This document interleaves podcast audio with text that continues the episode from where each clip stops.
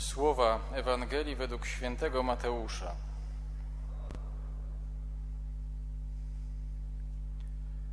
Jezus w przypowieściach mówił do arcykapłanów i starszych ludu. Królestwo niebieskie podobne jest do króla, który wyprawił ucztę weselną swemu synowi. Posłał więc swoje sługi, żeby zaproszonych zwołali na ucztę, lecz ci nie chcieli przyjść. Posłał jeszcze raz inne sługi z poleceniem powiedzcie zaproszonym, oto przygotowałem moją ucztę. Woły i tuczne zwierzęta ubite i wszystko jest gotowe. Przyjdźcie na ucztę. Lecz oni zlekceważyli to i odeszli jeden na swoje pole, drugi do swego kupiectwa, a inni pochwycili jego sługi i znieważywszy pozabijali. Na to król uniósł się gniewem. Posłał swe wojska i kazał wytracić owych zabójców, a miasto ich spalić. Wtedy rzekł swoim sługom: Uczta weselna wprawdzie jest gotowa, lecz zaproszeni nie byli jej godni. Idźcie więc na rozstajne drogi i zaproście na ucztę wszystkich, których spotkacie. Słudzy ci wyszli na drogi i sprowadzili wszystkich, których napotkali, złych i dobrych. I sala weselna zapełniła się biesiadnikami. Wszedł król, żeby się przypatrzeć biesiadnikom i zauważył tam człowieka nieubranego w strój weselny. Rzekł do niego przyjacielu, jakże tu wszedłeś, nie mając stroju weselnego? Lecz on oniemiał. Wtedy król rzekł sługom, zwiążcie mu ręce i nogi i wyrzućcie go na zewnątrz, w ciemności. Tam będzie płacz i zgrzytanie zębów, bo wielu jest powołanych, lecz mało wybranych. Oto słowo Pańskie.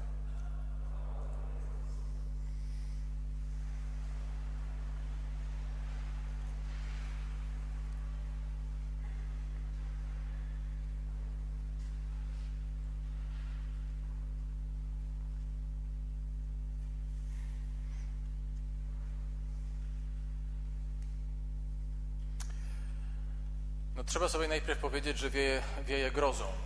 Nie? Wieje grozą i wieje mrokiem z tej dobrej nowiny, bo y, jakoś tak naturalnie wychwytujemy z tej Ewangelii wszystko, co, co, co jest przerażające, że wytraci, że spali, że wyrzuci w ciemności, że będzie płacz i zgrzytanie zębów.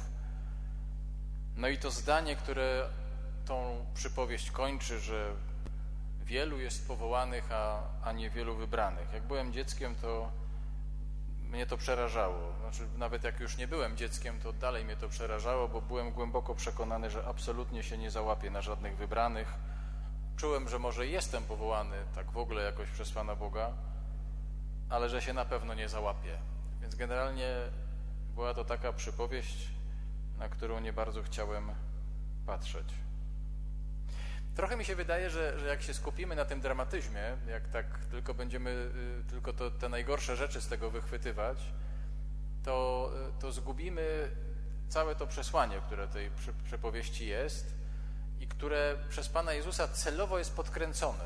Znaczy on wielokrotnie używa y, różnych słów ostrych po to, żeby pewne rzeczy lepiej wybrzmiały. Tylko, że my najczęściej na tych różnych jego technikach się skupiamy, a już nie, ani na słowach. No bo najpierw mamy pierwszą część, która opowiada o ludziach, którzy zostali pokarani, no tak właściwie za co? Za to, że poszli do pracy, za to, że poszli do swoich obowiązków, za to, że byli odpowiedzialni, za to, że troszczyli się o swoje rodziny, to, to świetnie brzmi, kiedy byśmy tak sobie powiedzieli, no to wybierajmy albo Pan Bóg, albo cała reszta, nie wiem, rodzina, praca, albo Pan Bóg, tak jak to ustawimy w takim kluczu. No tylko, że kto z nas, łącznie ze mną, jest w stanie tak powiedzieć, oto wybieram Pana Boga. Wybieram Pana Boga i wszystko inne już się dla mnie nie liczy. Wybieram Pana Boga i już nie liczy się dla mnie mój mąż, moja żona, moje dzieci, praca, którą daj Boże lubię, ale już to mi się w ogóle, to, to, to jest nieistotne.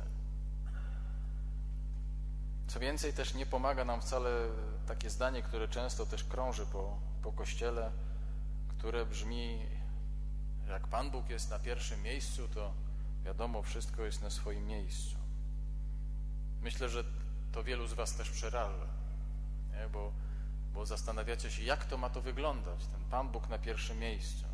Przecież nie zrobicie z Waszego życia zakonu, nie zrobicie z Waszego życia klasztoru, a zaręczam Wam, że w klasztorze cały czas się nie modlimy. Nie? Robimy też różne inne rzeczy. I nie wszystkie są pożyteczne, niektórych marnujemy czas.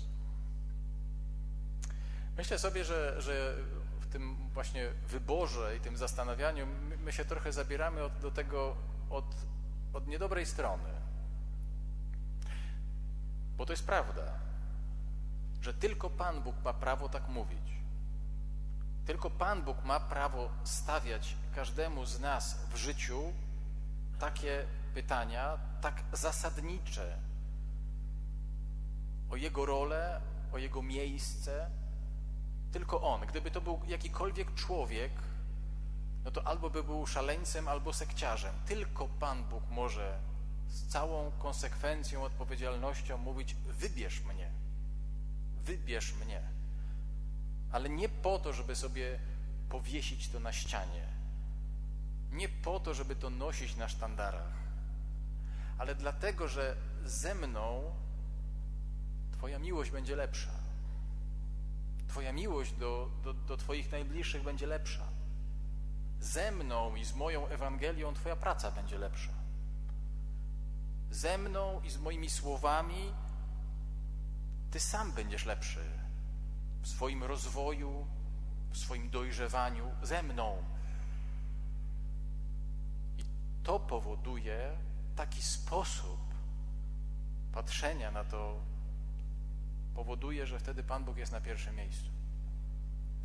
Wtedy Pan Bóg jest na pierwszym miejscu rzeczywiście.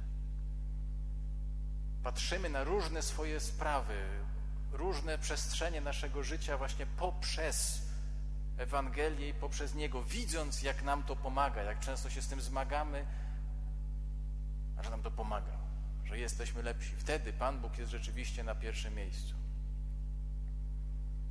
No więc wydaje mi się, że to, to nie za pracę zostali, zostali pokarani. Nie za pracę spotkało ich to, to straszne odrzucenie i spalenie, które tutaj w tej przypowieści jest użyte.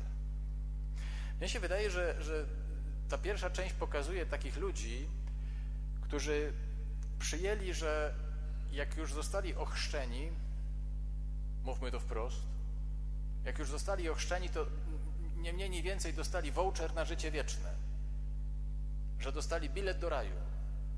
I ten bilet jest ważny przez całe życie. I że już nic z tym, nic z tym nie trzeba robić.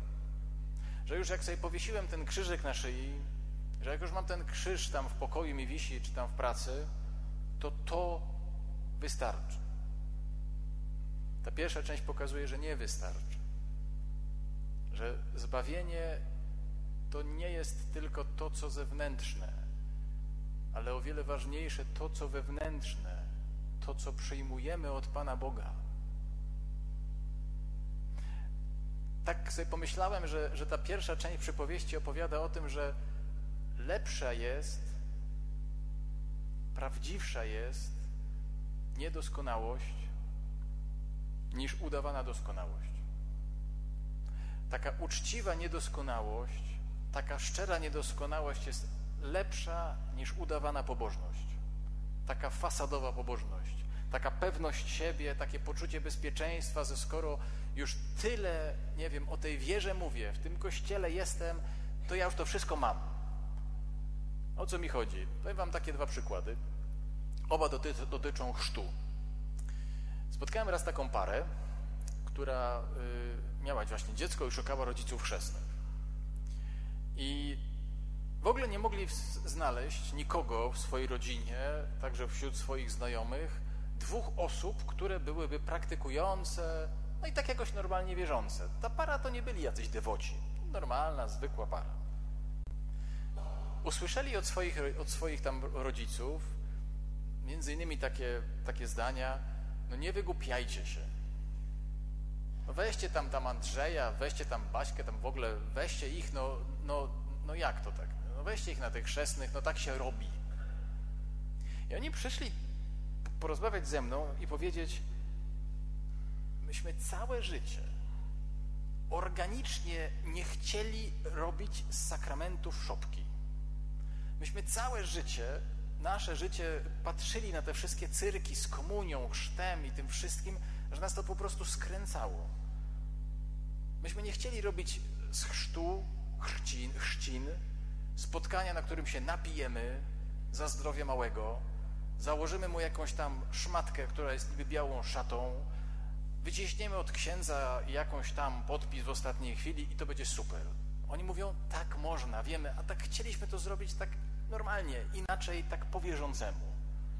Ostatecznie skończyło się na tym, że znaleźli jedną swoją znajomą, jedną swoją znajomą, która była jedną chrzestną, tak może być. Też nie jakąś strasznie taką, wiecie, taką dewocyjną, ale po prostu wierzącą i praktykującą. Ale byli z tego bardzo zadowoleni.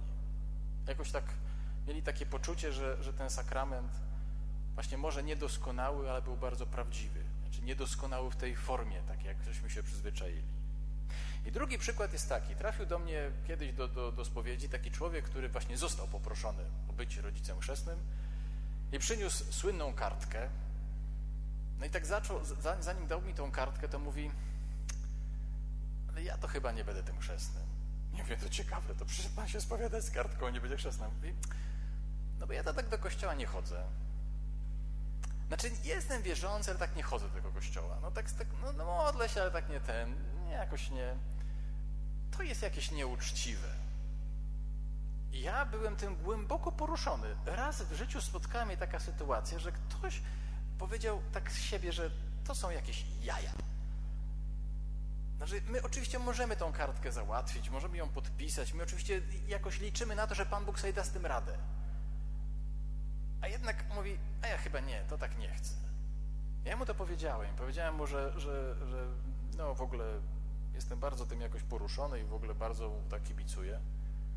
I skończyło się na tym, że w ogóle ten człowiek jakoś tak bardzo go to dotknęło i w ogóle nie chcę mówić, kto to jest, bo on tu siedzi.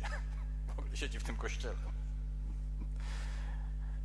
Od tego czasu w ogóle zaczął, zaczął w ogóle zmieniać swoje życie. Przepraszam, nie, właśnie tak opowiadam, ale że nie czuł się, jest to absolutnie zanonimizowany. Ale to jest piękna historia, właśnie pokazująca, że lepsza jest prawdziwa niedoskonałość, taka uczciwa, niż udawana pobożność. I w pierwszej części tej przypowieści właśnie są ludzie, którzy to zrozumieli, którzy zrozumieli, że, że, że siłą, która nas napędza, jest Boże miłosierdzie. Boże miłosierdzie, które jest większe od tych różnych naszych niedoskonałości, to są ci, którzy ostatecznie wchodzą na tą ucztę. A ci, którzy zostają w tej swojej poczuciu pewności, takiego bezpieczeństwa, to, to wylatują. Ale to nie koniec, bo ta przypowieź ma jeszcze drugą część, która już, jak słyszeliśmy, dzieje się na weselu. Na weselu znajdują się już ludzie, którzy przyjęli miłosierdzie, zrozumieli, czym ono jest. Tylko, że jednych to miłosierdzie popchnęło do zmiany, do tego, żeby coś ze swoim życiem robić. Nie, że zrobić, w ogóle robić. A inni zatrzymali się na takim poziomie, takim mnie, Panie Boże, masz, takim mnie stworzyłeś, no to tak jest. I to ci drudzy, którzy przerzucili odpowiedzialność za swoje życie na Pana Boga, zostają znowu wyrzuceni za drzwi.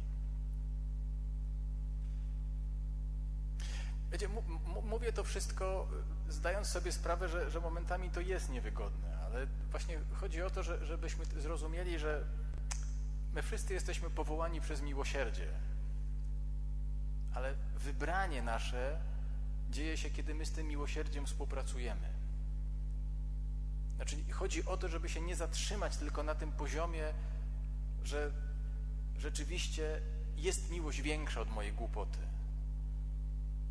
Ale żeby też wejść na drogę współpracy z tą miłością, w ten proces rozwoju w sobie tej miłości, żeby jej też nie, nie zmarnować.